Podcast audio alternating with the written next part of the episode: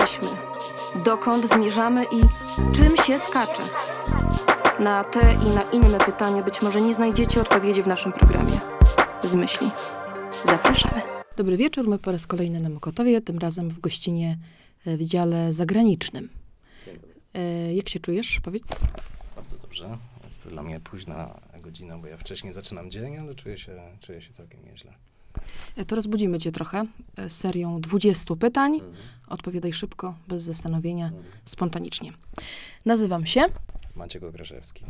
i nie znoszę, gdy zwracają się do mnie. Pff, Proszę pana. Gdy byłem mały, to wymyśliłem sobie, że będę Policjantem. i zostałem. Dziennikarzem. Gdy dorosnę, to zostanę. Mam nadzieję, że emerytem w Hiszpanii. W moim pokoju wisiały plakaty, Mm, Modern Talking. a kiedy już je zdjąłem, to To wtedy miałem bardzo dużo plakatów metalowych z wilkami i jakimiś takimi dziwnymi motywami z północnej Norwegii. na obiad poszedłbym z. Makłowiczem pod warunkiem, że poszlibyśmy na coś bezmięsnego, bo ja nie jem mięsa. A na, cało, a na całonocną imprezę z. Z nikim, bo ja nie chodzę na całonocne imprezy. Najchętniej bym poszedł na afterparty, bo to akurat się zaczyna wtedy, kiedy ja wstaję, czyli o 5 rano. I ja tak na całonocną imprezę, to ja nie byłem od, nie wiem, już ilu lat. Myśli o wieku nastoletnim wzbudzają we mnie. W połowie nostalgię, a w połowie zażenowanie. W ramach supermocy bycia niewidzialnym wpadłbym na 24 godziny do mieszkania. No Jezu, do nikogo, do niczyjego mieszkania, po prostu nie chciałbym nikomu robić takie rzeczy, do, do, do niczyjego zdecydowanie. Zwykle najbardziej brakuje mi. Czasu. Cały czas brakuje mi czasu. Wciąż mam nadzieję, że Że będę miał tego czasu więcej. koniec internetu to Na pewno więcej czasu na interakcję y, jeden na jeden. najgorsza rzecz, jaką można mi powiedzieć, brzmi. Mm, że nie mam pojęcia. Nie, nie, nie, wiem, nie, nie wiem, co złego można mi powiedzieć. Autentycznie nawet nic mi nie przychodzi do głowy. Mam pustkę w tej chwili. Najczęściej rozmawiam ze sobą o O tym, co muszę zrobić danego dnia. tęsknię za. Tęsknię za moim psem. Gdybym mógł zacząć życie od wybranego momentu w swoim życiu, to byłby to moment, kiedy Kiedy wyjechałem po raz pierwszy do Hiszpanii? koncert, który najbardziej chciałbym zobaczyć. Może em, jeszcze raz bym chciał pójść na, em, na e, Fun Loving Criminals, bo to był najlepszy koncert, na jakim byłem w życiu, ale byłem tylko raz i chciałbym sprawdzić, czy po latach są dalej tak samo dobrzy. Została nam ostatnia piątka. Najpiękniejszy zapach świata. Zapach mojej dziewczyny. Patrząc na świat, myślę sobie, że Że nie jest tak źle, jak się wielu osobom wydaje. mimo, że nie powinienem tego robić, to cały czas Siedzę przed komputerem zdecydowanie za długo i psuję sobie wzrok. chciałbym kiedyś nauczyć się. Włoskiego. I ostatnie pytanie. Gdybym miał stworzyć soundtrack do filmu o swoim życiu, to na pewno znalazłby się tam utwór. Biohazard Urban Discipline. Oficjalnie muszę powiedzieć, że byłeś chyba najszybszym e, spośród naszych gości. Tak, myślałem, że się właśnie jakby namyślałem i że to wszystko zajmuje za dużo czasu. Jak mi powiedziałeś, że mam bez zastanowienia się odpowiadać, to było kilka takich momentów, że musiałem się zastanowić. Ale okej, bardzo mi miło w takim razie. To teraz y, przejdźmy do początków y, twojej historii. Historii, która zaczyna się w Łodzi i w którą był też wplątany, y, z tego co mówiłeś, Kapuściński. Z czego powstała potrzeba stworzenia czegoś takiego jak dział zagraniczny? Czy jakiejś twojej mm, niezgody na to, jak to dziennikarstwo wygląda, z braku czegoś, y, albo przeciwko czemuś? No to jest dość długa historia i żeby nie opowiadać tutaj przez trzy godziny, to skrócę do takich najważniejszych wątków. Ten pomysł na dział zagraniczny wziął się z tego, że po pierwsze nie miałem gdzie publikować, bo to był chyba 2011 rok albo 2010, nie pamiętam w tej chwili dokładnie, chyba 2010. I wtedy już w polskich mediach był kryzys gospodarczy, co powodowało, że cieli działy, które były najdroższe albo najbardziej niepotrzebne, Czyli najbardziej niepotrzebne to od razu wycięli kulturę. Zresztą teraz jesteśmy w takim momencie, w którym znowu ruszyły zwolnienia masowe w prawie wszystkich firmach i pierwsze co nam to jest kultura. Natomiast chcieli też za granicę, bo ona była najdroższa. I w związku z tym nie było pieniędzy w budżecie na materiały zagraniczne, takie jakie ja chciałem robić, które nie były o polityce, o wyborach i tak dalej, tylko były głównie o sprawach społecznych i były spoza takiego szeroko pojmowanego Zachodu, czyli głównie Stanów Zjednoczonych i Europy Zachodniej, ale też pojmowanej w ten sposób, że to Niemcy, Francja, Wielka Brytania, a Hiszpania, Portugalia, Włochy już niekoniecznie, no chyba, że Watykan to wtedy tak. I mm, po pierwsze, potrzebowałem pisać, gdzieś, gdziekolwiek, żeby się pisać nauczyć, bo wcześniej pracowałem w tabloidzie, dobrym tabloidzie, ale mimo wszystko tabloidzie i nie potrafiłem przełożyć na słowo pisane rzeczy, które widziałem przez ostatnie miesiące przed założeniem tego działu zagranicznego, ponieważ wtedy wróciłem z takiej dość długiej podróży po Ameryce Południowej, nie pierwszej, ale najdłuższej, takiej najpoważniejszej też dziennikarsko dla mnie wtedy. I mm, zrobiłem dużo takich traumatycznych mm, materiałów o właśnie przemocy, mm, zmaganiu się z uzależnieniem i no, generalnie tego typu tematy. I nie potrafiłem o tym opowiedzieć, bo nie umiałem pisać. A przez to, że nikt nigdzie nie chciał mnie opublikować, to też no, nie za bardzo mi szła ta nauka, więc uznałem, że sam muszę się jakoś nauczyć, sam muszę jakoś wymyślić sobie styl. I że może dobrym takim pretekstem będzie właśnie założenie takiego bloga, gdzie będę pisał teksty i będę w ten sposób sprawdzał, jak się pisze, co mi idzie, co mi nie idzie i tak dalej. No i w sumie to doprowadziło do tego, że po latach nauczyłem się bardzo dobrze te teksty pisać. To był jeden, jedna z części składowych. Druga była taka, że na początku dział zagraniczny miał być tylko dla znajomych. I myślałem, że to będzie czytało z 5-10 osób, które też interesuje się takimi rzeczami mm, jak ja, czyli tą właśnie daleką zagranicą, tematami społecznymi mm, i tak dalej.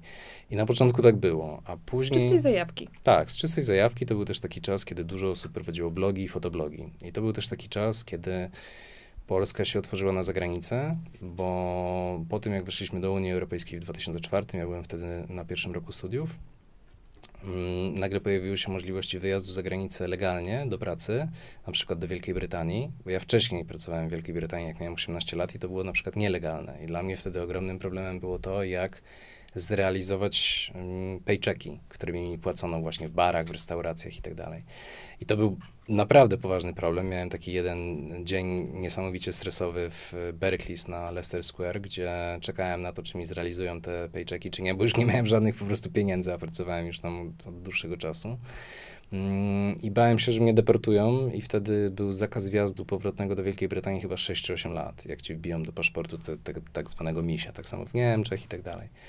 Po 2004 roku pojawiły się te możliwości, żeby pojechać do takich krajów, zarobić tam jakieś pieniądze na właśnie jakichś najprostszych pracach, w których nie potrzeba było żadnych kwalifikacji i za te pieniądze spokojnie wyjechać gdzieś właśnie dalej, powiedzmy do Chile, czy do RPA, czy do Tanzanii i tak dalej.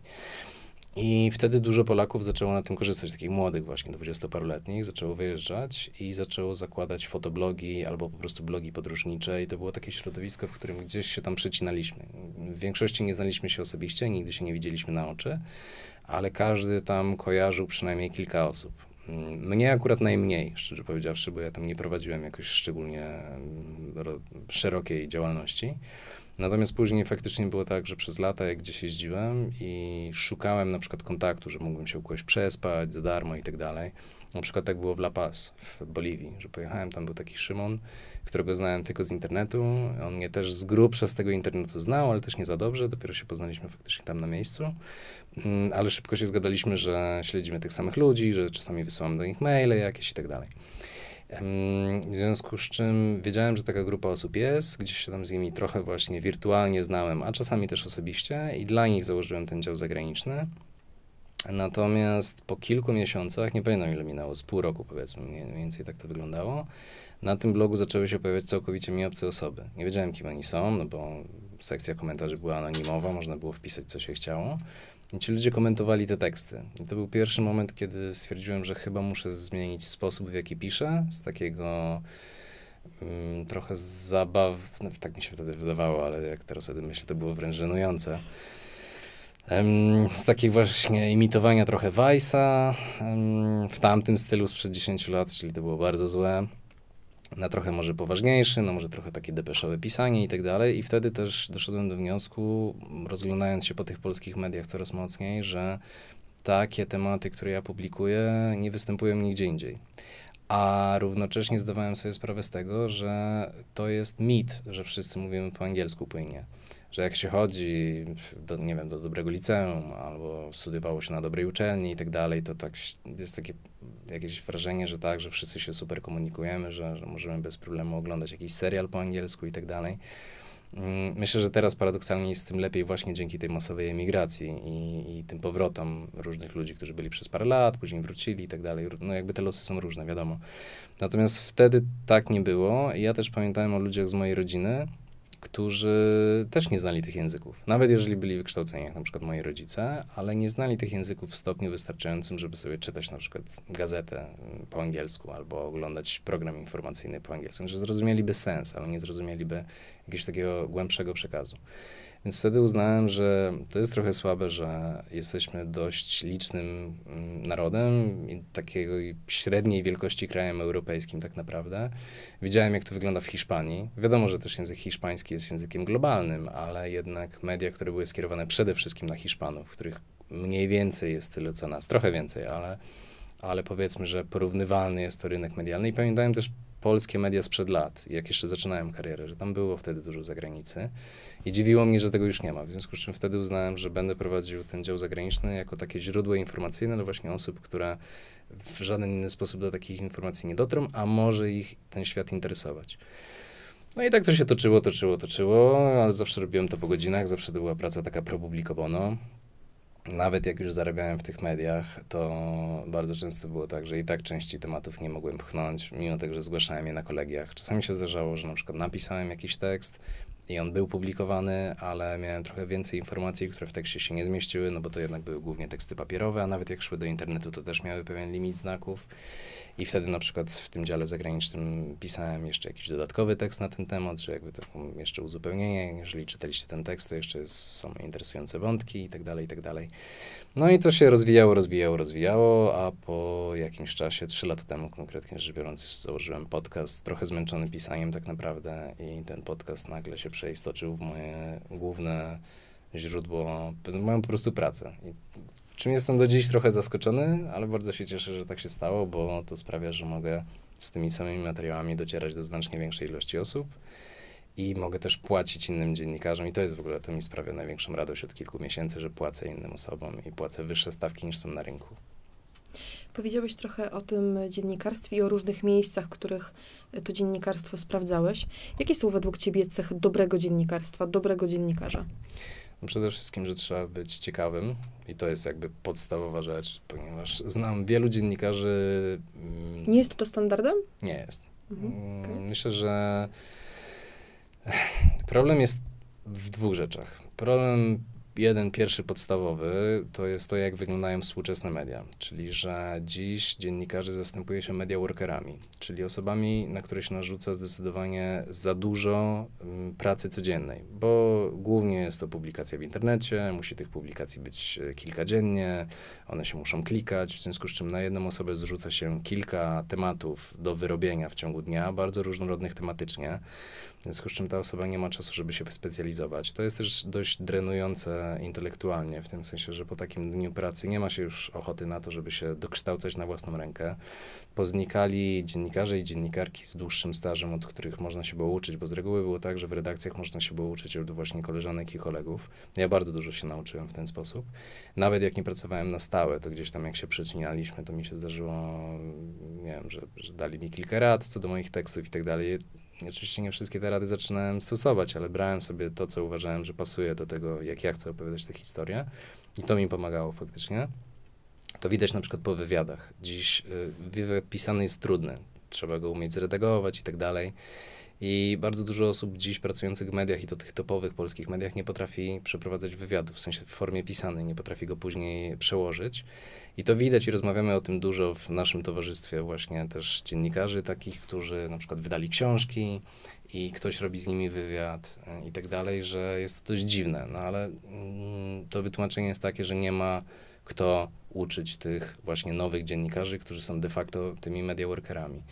I myślę, że mm, wymagania, jakie są przed tymi ludźmi, przede wszystkim młodymi, bo to są z reguły gdzieś ludzie na ostatnich latach studiów i tak dalej, że taka praca redakcyjna zabija w nich właśnie ciekawość. I, I, mnie to w ogóle nie dziwi, tak? Bo jeżeli masz do przerobienia tak ogromną ilość materiału każdego dnia, pięć dni w tygodniu, i jeszcze oczywiście po godzinach szef będzie do ciebie pisał, dzwonił, te, te godziny są trochę nieregulowane, to nie jest tak, że o piątej odbijesz kartę i cię nie ma i tak dalej.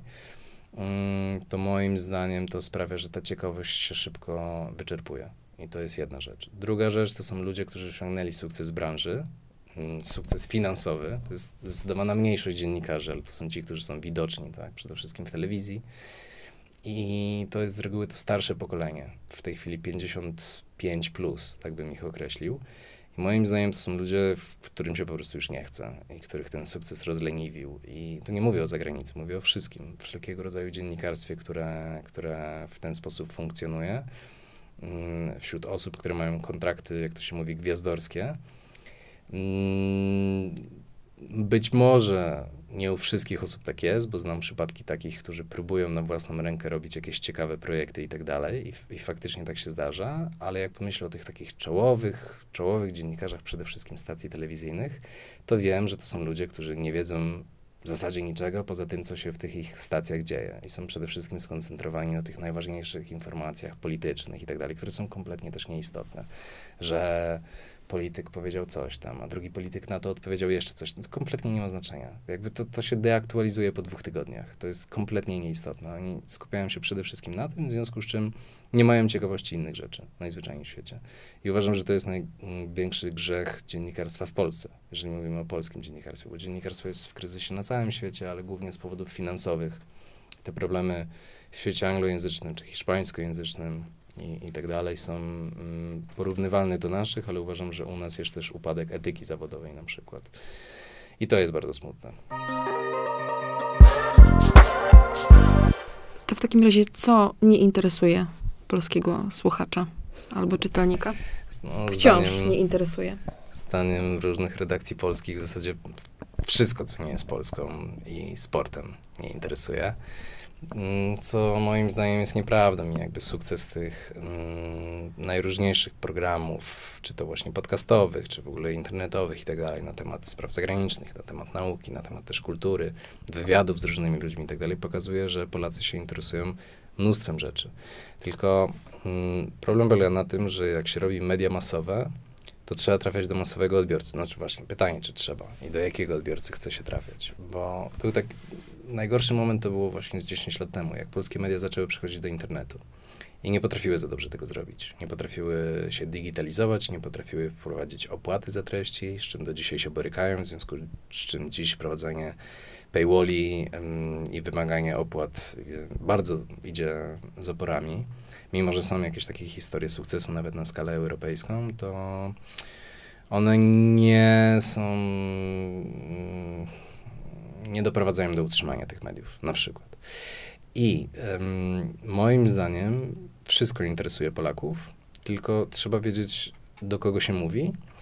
Po pierwsze, jaka jest grupa docelowa, a po drugie, być otwartym na to, że ta grupa docelowa może się rozjeżdżać z tym, co myślimy. Czyli na przykład w moim przypadku jest tak, że ja sobie wyobrażam na początku, zakładając podcast, jak jeszcze robiłem wersję pisaną, że moi odbiorcy to są czytelnicy Tygodnika Polityka albo Gazety Wyborczej, czyli tam, gdzie pisałem, albo Tok FM-u, czyli tam, gdzie często komentowałem jakieś rzeczy i tak dalej. Natomiast dziś okazuje się, że przytłaczająca większość osób, które słucha mojego programu, to są ludzie, którzy trafili na niego albo przypadkiem, albo z polecenia kogoś innego i nie sięgają po te media. Nie dlatego, że są jakoś tam ideologicznie e, ich przy, przeciwnikami, bo tacy ludzie też są, którzy nigdy tam nie sięgną po gazetę wyborczą, bo nie, nie. tylko osoby, które po prostu nie mają tego nawyku, inaczej konsumują wiadomości i tak dalej. I jak ja tworzę program, to jak dobieram tematy, to dobieram zawsze takie tematy, które mnie interesują. Ale jak ym, wymyślam, jak je opowiedzieć, nawet jeżeli to jest wywiad, tak? Jeżeli, a przede wszystkim jest to, jakby są różne formaty u mnie, ale przede wszystkim są to jednak wywiady. Więc jak przygotowuję się do wywiadów, to robię konspekt rozmowy. Zanim w ogóle kogoś zaproszę, to rozpisuję sobie ten konspekt i wysyłam go później gościom. I ten konspekt tworzę zawsze z myślą o mojej dziewczynie, która jest właśnie taką osobą, która nie zaczyna dnia od przeglądania depesz międzynarodowych i tak dalej, ale chciałaby wiedzieć, co się dzieje na świecie i to może ją zainteresować. Tylko ja nie mogę od razu wjechać z grubej rury, że słuchaj, w Kongu w 96 Jak pamiętasz? Mhm. Więc muszę tę historię jakoś sprzedać jej w taki sposób, żeby ona się nie wynudziła po dwóch minutach. I moim zdaniem, jeżeli w taki sposób będzie się opowiadać cokolwiek, właśnie nie tylko za granicą, ale najróżniejsze rzeczy, no ja byłem ostatnio nominowany do nagrody, którą wygrała Kasia Gandor i ona jest bardzo dobrym przykładem. Ona opowiada o tematach naukowych w taki sposób, że interesuje to mnóstwo ludzi, tak? Po kilkaset tysięcy wyświetleń jej filmików. Mm, tematów, które gdyby zgłosiła w normalnej polskiej redakcji, to najprawdopodobniej one by gdzieś tam spadły na ostatnią stronę, e, skrócono by ich długość i to wszystko by sprawiło, że mniej ludzi by w nie kliknęło, mniej ludzi by na nich zostało i tak dalej, i tak dalej. W związku z czym moim zdaniem ta pula zainteresowań jest nieograniczona, tylko trzeba sobie jasno powiedzieć, że jeżeli ktoś chce wykręcić wyniki porównywalne z nie wiem, wiadomościami o tym, że Robert Lewandowski na spółkę z Adamem Małyszem porywają ludzi dla okupu. No nie, no nie, jakby nie wygrasz z taką wiadomością, tak? Hipotetyczną. Czy w ogóle nie wygrasz z tymi wiadomościami, które mają największe zainteresowanie? No akurat rozmawiałem podczas Mistrzostw Świata w piłce nożnej. No to wiadomo, że to jest temat numer jeden e, w tym kraju. Nie zresztą nie tylko w tym i trochę się nie ma co ścigać na popularność z tym. Ale jeżeli jesteś przygotowany na to, żeby uprawiać to swoje poletko gdzieś tam innymi sposobami, to jak najbardziej znajdziesz szeroką pulę osób zainteresowanych takimi treściami. Jak widać na przykład po moim przykładzie, um, osób, które nawet są gotowe płacić za te treści. W związku z czym um, to też zadaje kłam e, często takiej powtarzanej w polskich mediach historii, że w ogóle ludzie nie chcą płacić za treść. Ludzie chcą płacić za treść, ale nie za właśnie taką byle jaką, szybko podaną, 50 wiadomości na ten sam temat, clickbaitowych, coś jest zapowiedziane w lidzie i później w tekście nie pada i tak dalej. Tylko ludzie są gotowi płacić za unikalne treści, treści dobrej jakości. I jeżeli takie się je dostarcza, to można na tym zarabiać. A czy klucz e, doboru gości, doboru tematów to jest rzeczywiście twoje osobiste kryterium? Tak. To w moim przypadku jak najbardziej. To jest y, większość mojej pracy nie polega na siedzeniu tutaj przed mikrofonem i rozmowie z kimś, tylko na przeglądaniu depesz, czytaniu reportaży, czytaniu książek i tak dalej. To jest bardzo codzienna, po prostu wielogodzinna robota, którą ja mam ułożoną w system. Robię to sobie wedle własnych takich prawideł, które sam sobie ułożyłem przez lata. Może nie dla wszystkich mój system by się sprawdzał, może on byłby też bardziej efektywny, gdyby ktoś inny się nim zajął, mnie zajmuje dużo czasu, ale dla mnie działa. I ja sam wybieram tematy, sam je składam do kupy, bo to jest często tak, że gdzieś zobaczę właśnie jakąś krótką taką depeszę, która, którą się czyta w dwie minuty powiedzmy. Ale w, pamiętam, że o ten temat zahaczało coś innego, co mam w swoim archiwum. I sięgam do tego archiwum offline, sprawdzam, tam jest trochę więcej informacji, zaczynam wyszukiwać te informacje, żeby sprawdzić, czy to jest większy temat. Później nagle kojarzę, że w sumie kojarzy mi się to z jeszcze czymś. I tak buduję, buduję, buduję, zbieram po prostu mnóstwo różnych wątków, które składam później w całość. I jak już mam to w całości, to patrzę na to i myślę sobie, ok, no to mam tutaj taką wielką kulę jakichś powrzucanych wątków które z tych wątków są najważniejsze, ale albo które są najbardziej interesujące, albo które się ze sobą najmocniej łączą, które najwięcej mówią o tym jakimś tam temacie, który przyszedł mi do głowy. Więc selekcjonuję, część odpada, część muszę jeszcze głębiej poszukać, czy coś tam jest, czy, czy, czy, nie, czy mi się tylko wydaje. Czasami muszę do kogoś zadzwonić i zapytać, słuchaj, mam taki temat, czy twoim zdaniem to jest w ogóle temat, tam zajmujesz się tym krajem, czy jednak nie jest to temat, i tak dalej, i tak dalej, i tak dalej. I później jak już to wszystko mam, to właśnie tak jak mówiłem wcześniej, układam konspekt i dopiero z tym konspektem szukam kogoś do rozmowy.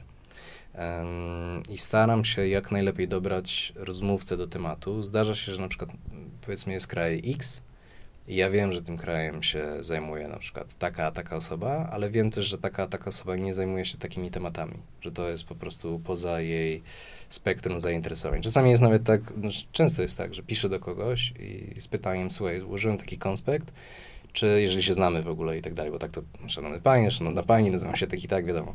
Ale jeżeli się znamy, to wysyłam ten konspekt i pytam, czy ty jesteś w ogóle w stanie rozmawiać na ten temat. I bardzo często słyszę, i to mnie akurat cieszy, jak słyszę od kogoś szczerą odpowiedź, że nie, że w ogóle się na tym nie znam i też nie mam się kiedy do tego przygotować, mm, bo mam za dużo innej pracy i tak dalej. I wtedy, ale pytam, czy możesz mi kogoś polecić i tak dalej, no i szukam.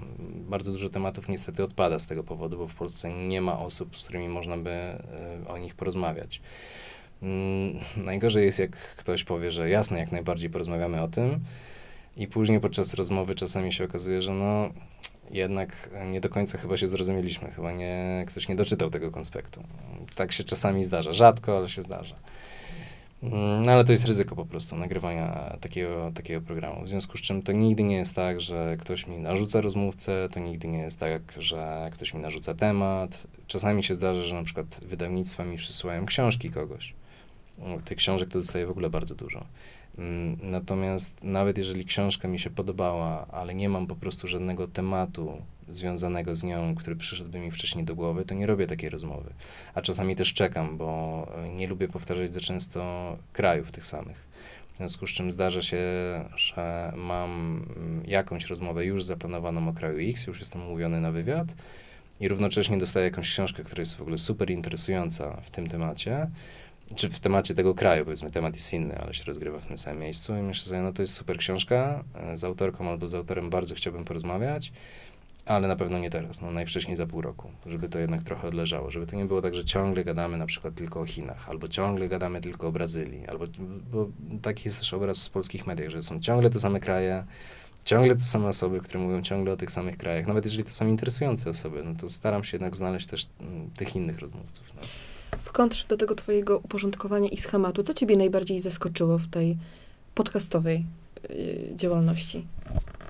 To, że te podcasty będą takie popularne, to moja dziewczyna mnie namawiała na założenie podcastu, to nie był mój pomysł. Ja po prostu już byłem tak zmęczony pisaniem i tak dalej. Mówiłem jej, słuchaj, no będę to jakoś tam dalej ciągnął, ale już jestem tym zmęczony, trochę wypalony i tak dalej. Ona mówi, załóż podcast, załóż podcast.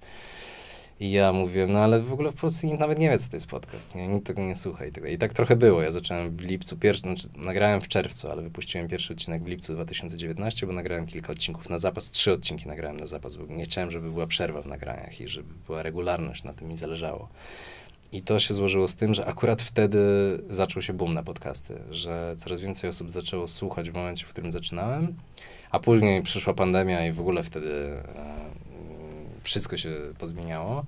Paradoksalnie na początku pandemii akurat był spadek słuchalności. Rozmawiałem o tym z wieloma osobami z, tej, z tego topu ówczesnego i wszyscy mówili, że mają spadek słuchalności. Ja też miałem spadek, a później zaczęło to rosnąć, rosnąć, rosnąć. I teraz jak otworzę sobie okno ze statystykami, to mam taką nieprzerwanie rosnącą linię od, w zasadzie od samego początku. Mm, I nie sądziłem, że tak to się zmieni. Ja myślałem, że tego będzie słuchało, nie wiem, no, że jak z tego będzie słuchało z tysiąc osób, to to będzie bardzo spoko. A, a jest to wielokrotnie więcej, tak? Kilkadziesiąt tysięcy, zależy też od odcinka i tak dalej. No jest 70 tysięcy osób tego słucha, więc, a są podcasty, których oczywiście słucha znacznie jeszcze więcej ludzi, no nie wiem, Wiem, że na przykład Okuniewska, jak wrzuca odcinek, to ma tam 150 tysięcy odsłuchań w ciągu 24 godzin. Więc ja po prostu nie sądziłem, że to się stanie takie popularne. Nie sądziłem też, że tak szybko, czy szybko to też jest kwestia mm, relatywna, tak, ale że, że, firmy zaczną po prostu wchodzić w rynek podcastowy i że będą podcasty powstawały w Polsce. Wiedziałem, że tak jest w Stanach, wiedziałem, że tak jest za granicą, ale że w Polsce tak szybko pojawią się wyspecjalizowane domy produkcyjne, które produkują podcasty dla firm, dla marek. Że tylu celebrytów zacznie tutaj z tymi podcastami próbować jakichś swoich szans i tak dalej. I że to wszystko się tak błyskawicznie rozwinie. I że też ten podcast zacznie być kojarzony z jakimś takim świeżym otwarciem również dla ludzi, którzy wcześniej robili inne rzeczy, byli z nich znani. I niedawno rozmawiałem z o, takimi dwoma osobami, które odniosły, nie wiem czy duży, ale, ale w moich oczach na pewno duży sukces na YouTubie. To nie jest ta polska topka YouTube'owa, bo teraz ten YouTube wygląda przedziwnie. i największe zasięgi robią dziwne rzeczy, ale też ludzie, którzy mają potem po kilkaset tysięcy wyświetleń na filmiku i tak dalej. I oni mi mówili, że z ich perspektywy ten rynek podcastowy w Polsce wygląda tak, jak rynek YouTube'owy wyglądał 10 lat temu. Że to jest taka trochę kraina dla wszystkich w dalszym ciągu, zanim, zanim się tutaj wyklarują jakieś e, takie utwardzone w kamieniu zasady i reguły i tak dalej. I mnie to akurat bardzo cieszy. Uważam, że im więcej form, im więcej ludzi, tym lepiej. Ja akurat nie uważam, że e, więcej podcastów i więcej podcasterów to jest jakiś problem. Nie uważam, że w ogóle jest coś takiego jak konkurencja. Czy konkurencja na pewno jest, ale ona wymusza, żeby być coraz lepszym. I ja nie sądzę, że to, że ktoś się jeszcze pojawia z jakimś fajnym programem, niekoniecznie nawet o tej samej tematyce, ale jakimś innym, na przykład właśnie rozrywkowym albo true crime'owym, no bo true crime w Polsce rządzi zdecydowanie i, i tam skoczy na to miejsce, nie wiem, dziesiąte czy, czy, czy, czy piąte i tak dalej, to, to dla mnie osobiście to nie jest problem. Ja uważam, że należy się skupiać na swojej robocie, a to, że tych programów przybywa i tak dalej, to znaczy, że też przybywa słuchaczy w dalszym ciągu. I dla mnie to jest super rzecz w ogóle, że ludzie robią takie rzeczy, że mogą realizować te swoje pasje, że mogą z nich żyć, albo że nawet jeżeli z nich nie żyją, to dostarczają jakąś taką treść, która znajduje odbiorców. Um, ostatnio na przykład jest coraz więcej jakichś podcastów o, um, o psach, o tym, co robić z psami, jak je wychowywać i tak dalej. To też jest na przykład super i tak dalej. Więc e, mnie to wszystko bardzo cieszy. A masz jakieś swoje podcastowe marzenie, to znaczy ludzi, z którymi bardzo chciałbyś porozmawiać i zaprosić ich do swojego programu, ale na razie jest to jeszcze dla ciebie nieosiągalne i będzie za jakiś czas? Nie, nie mam takich osób, które by były nieosiągalne, mm, tylko po prostu nie mam tematów, które mam z nimi do przegadania. Nie mam, nie mam żadnej wyznaczonej osoby, z którą bym chciał porozmawiać. Hmm nawet teraz nikt mi taki do głowy nie przychodzi. To, to, to wiem, że nieosiągalny nie jest nikt. To, to jakby już przerabiałem wielokrotnie. I to nie tylko w kwestii Polski. Mam taką historię na przykład z Brazylii. Mm, pojechałem do Brazylii, no, w Brazylii wielokrotnie, ale pamiętam jak pojechałem na kilka miesięcy przed Mistrzostwami Świata, które tam miały miejsce w 2014 roku bo wiedziałem, że będzie tą Brazylią zainteresowanie w związku z tym i może uda mi się pchnąć trochę takich materiałów, które mnie interesują. Nie piłkarskich, tylko dotyczących tego kraju, który przechodził wtedy duże zmiany społeczne, które doprowadziły do ogromnego wrzenia, do impeachmentu urzędującej prezydentki dwa lata później. To wszystko było widać na ulicach, za tą właśnie fasadą tego wspaniałego mundialu i nadchodzącej też oczywiście później Igrzysk Olimpijskich dwa lata później i tak dalej, to jak się weszło poza ten taki piękny obrazek, to wszystko było widać na ulicach. Zresztą na ulicach się rozgrywały wtedy ciężkie sceny. Pamiętam, byłem na takiej w São Paulo rozróbie, gdzie tam płynęły autobusy, policja strzelała do ludzi, no, no jakby wszystko się działo. I moja dziewczyna, która wtedy też się zajmowała dziennikarstwem, ta sama, która mnie namówiła na podcast, bo jak mówię moja dziewczyna, to mówię cały czas o tej samej, bo my już jesteśmy razem tyle lat, że, że nie może robić żadnego disclaimera tutaj. Pozdrawiamy serdecznie. Pozdrawiamy. Ona zajmowała się wtedy głównie e, tematami jedzeniowymi i bardzo chciała, żebyśmy zrobili wywiad, bo czasami wspólnie robiliśmy materiały i one z reguły były takie właśnie dotyczyły jedzenia i społecznej jego funkcji. Chciała, żebyśmy porozmawiali z Aleksem Atalą. Alex Atala jest takim szefem kuchni z São Paulo, który jest uznawany za jednego z najlepszych szefów kuchni na świecie. Tam czasami gdzieś na Netflixie się pojawia w jakichś programach który prowadził wówczas chyba taką jedną z trzech najbardziej ekskluzywnych restauracji w całym kraju i był na liście 100 najbardziej wpływowych osób tygodnika Time w tamtym czasie, ze względu na właśnie swoją działalność y, nie tylko kucharską, ale też to, że on przywracał um, pewne produkty lokalne do miejscowej kuchni. Był na przykład taki, taki rodzaj czarnego ryżu z doliny na zachód od São Paulo, który prawie wyginął, właśnie miejscowy, endemiczny dla tego miejsca, a on doprowadził do tego, że wznowiono E, jego uprawy i stał się popularny w miejscowej kuchni i tak dalej. No i bardzo um, chcieliśmy z tym Aleksem Atalą porozmawiać. Wysłałem maila do jego agentki, jednej z dwóch jego agentek, z dużym wyprzedzeniem, kilkumiesięcznym. I ona mi powiedziała, że nie ma mowy na wywiad, że, że oni dostają takich próśb po 10 dziennie. I że wywiady to raczej New York Times albo, albo Le Monde i tego typu prasa, Vogue może, ale nie jakaś tam gazeta z Polski w ogóle i tak dalej. W związku z czym, że raczej nie ma, nie ma szans. No i zresztą było widać, jak wylądowałem w Brazylii, to, to on był na każdym billboardzie, na każdej okładce. To był naprawdę człowiek taki rozchwytywany w tamtym czasie. Zresztą dalej jest, tylko wtedy był taki pik jeszcze jego sławy. I ja niezrażony co tydzień wysyłałem maila, że jestem, że, że mogę każdego dnia, że jak przyjedzie moja partnerka, to możemy się dostosować w ogóle przez miesiąc, możemy każdego dnia w tym São Paulo, że nie będzie nas w São Paulo generalnie, ale że możemy przyjechać o dowolnej porze, dowolnego dnia, dostosować się w całości do jego harmonogramu i tak dalej. I, no i nie, jakby nie wychodziło. I pamiętam, że mieliśmy wyjechać na jakiś inny materiał gdzieś indziej, a ja trenuję sporty walki od wielu lat, w tym brazylijskie jiu-jitsu. Więc jak już byłem w tej Brazylii, no to też się tam trenowałem i chodziłem na ósmą rano i to był e, styczeń, luty, w związku z czym to są wakacje brazylijskie, w związku z czym no, nikogo o 8 rano w wakacje raczej na takim treningu nie będzie, poza tam jakimiś dwoma policjantami, tak, którzy akurat i tak są na służbie, tylko przyszli, no to też jest cała historia, tam pistolety w szatni.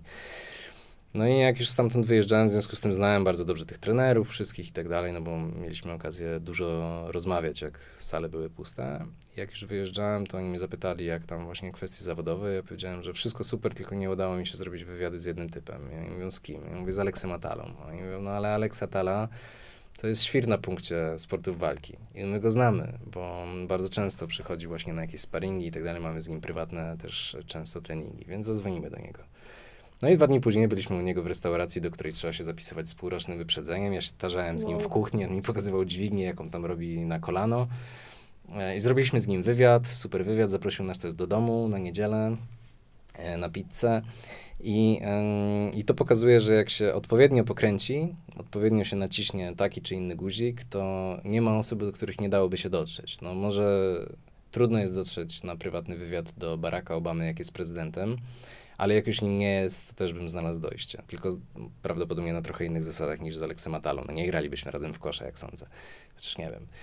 Więc nie mam żadnych osób w głowie, takich celów do zaproszenia do tego podcastu, ale no nie wiem, nie wiem, zobaczymy, w którą stronę ten program jeszcze podryfuje i co tu będę robił.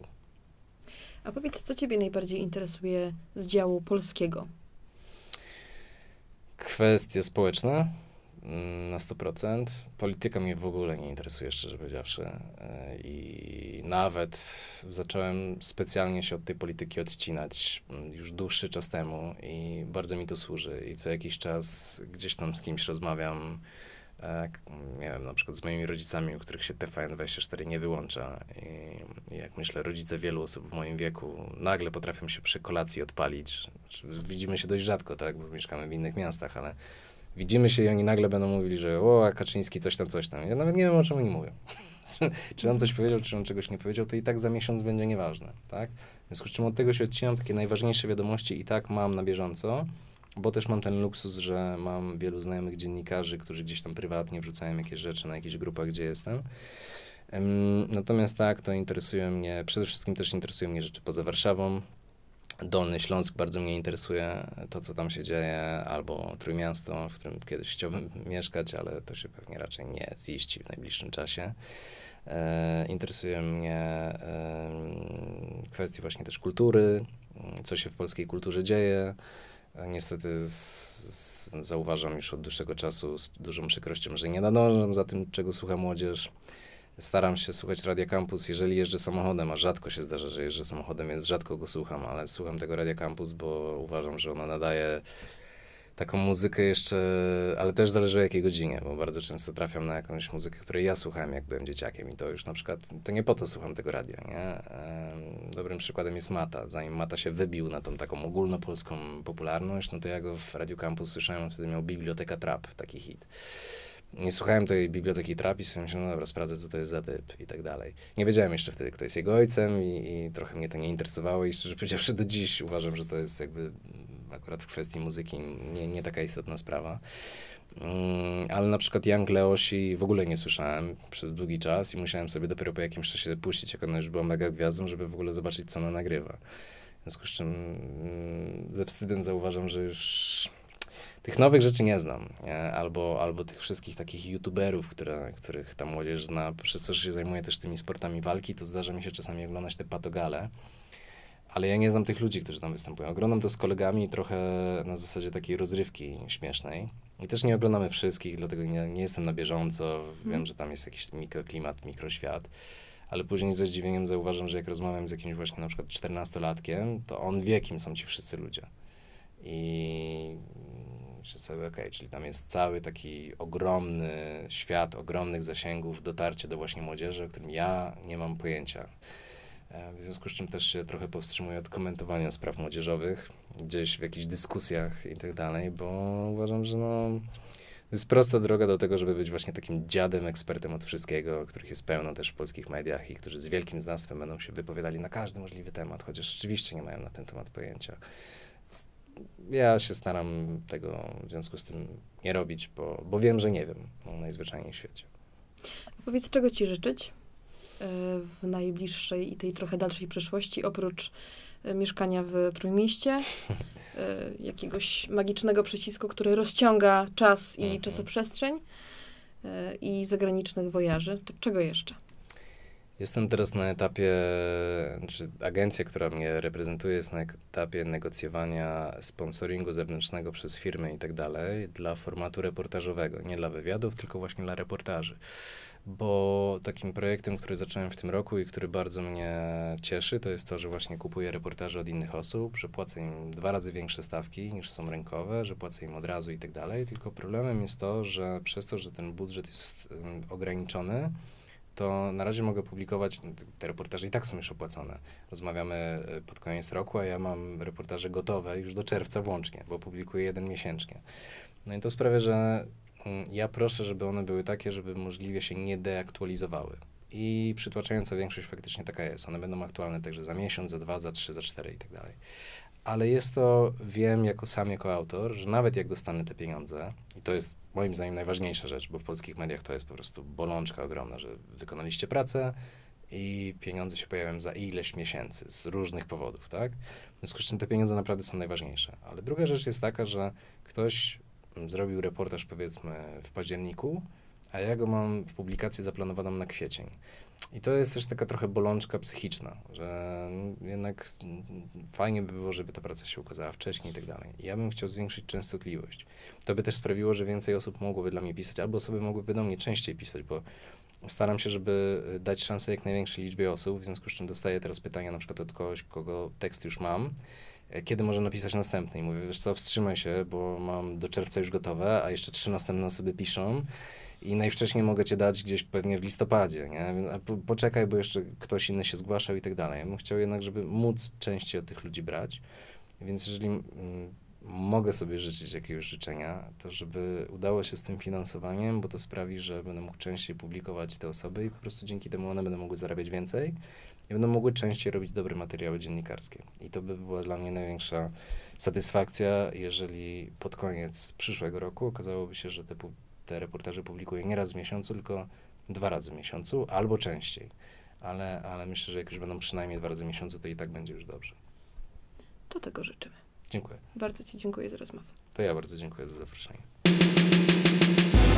Bardzo prosimy o nieśledzenie, nieoznaczanie, niesubskrybowanie i absolutnie nie klikanie w dzwoneczek.